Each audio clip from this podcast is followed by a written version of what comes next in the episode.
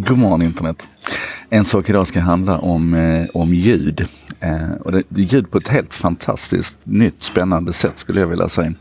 Eh, eller egentligen inte nytt, en ny tillämpning bara. Eller så här, när du är ute och kör med din bil och du börjar höra ett, ett konstigt skramlande ljud ifrån växellådan eller ifrån ett av hjulen. Då inser du omedelbart att någonting är galet. Alltså, ljud är en, en jättebra källa till att upptäcka anomalier och felaktigheter. Och om vi då tar och flyttar den här bilen upp i rymden istället och kallar den för rymdstationen så kommer ni kanske ihåg att, eh, jag tror det var förra året som man hade problem, man upptäckte ett, ett 2 mm stort hål i den här rymdstationen där den alltså läckte ut syre helt enkelt i rymden. Och det visade sig att, att det var ju nästan omöjligt att upptäcka för blotta ögat, men du kunde höra det. det. Det gav alltså ifrån sig ett väldigt, väldigt högfrekvent ljud när det här syret läckte ut där. Och då har man naturligtvis tagit det här på allvar nu. Så nu har man byggt tillsammans med Bosch då, så har man byggt en, en robot som heter Soundbee. Som alltså ska flyta omkring där uppe i, i rymdstationen och, och färdas runt enligt ett predestinerat mönster och så vidare. Och, och, bara lyssna. Man har alltså satt massor med mikrofoner på den här då. Den kan höra allt ifrån de allra djupaste basrumlingarna upp då till 80 kHz. Alltså vi människor vi kan ju höra upp till 20 kHz så länge vi är unga och friska i alla fall. Men den här kan du alltså höra riktigt högfrekventa ljud.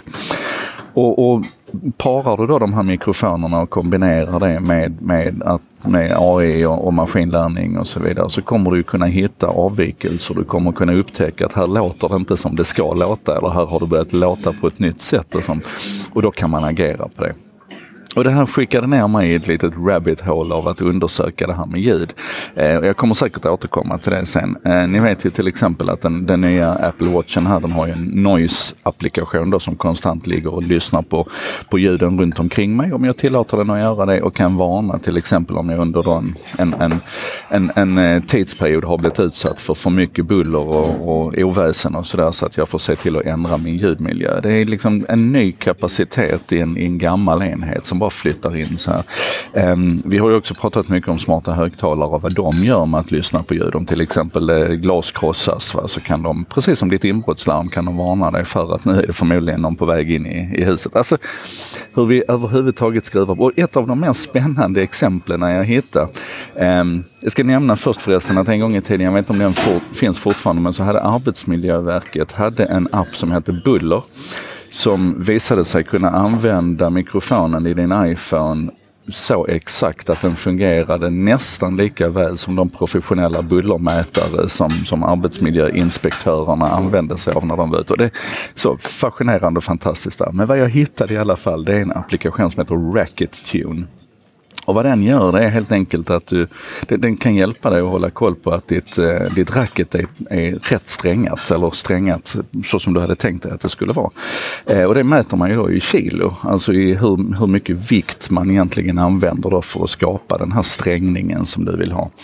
Men en sträng låter ju om du slår på den. Så här finns då en applikation som heter Racketune som du installerar i din iPhone eller i din eh, Android eller i din iPad till och med faktiskt. Och sen så, så slår du med, med någonting på strängarna och så lyssnar den appen på svängningarna och kan konstatera vilken strängning du har på ditt rack. Du kan också konstatera om dina bollar fortfarande, dina tennisbollar fortfarande är okej okay genom att släppa dem från en meters höjd och så lyssnar den här då på eh, avståndet, alltså tiden mellan studsarna då så kan man konstatera om den studsar de 57 till 59 centimeter som den ska när du släpper den från en meter. Ja, det är bara så. Ljud öppnar, våra enheter här nu öppnar upp helt nya sätt för oss att använda ljud på och jag tycker bara det är så sjukt spännande. Så att eh, in och googla lite grann här nu på Sound C, inte B, Sound C heter den. Den här lilla roboten som man skickar upp i rymden. Eh, SoundSea, ja just det, roboten heter Astrobee och SoundSea är själva ljudlyssningssystemet. Där fick vi rätt på det. Sorry. Det här är ju live ändå på något vis.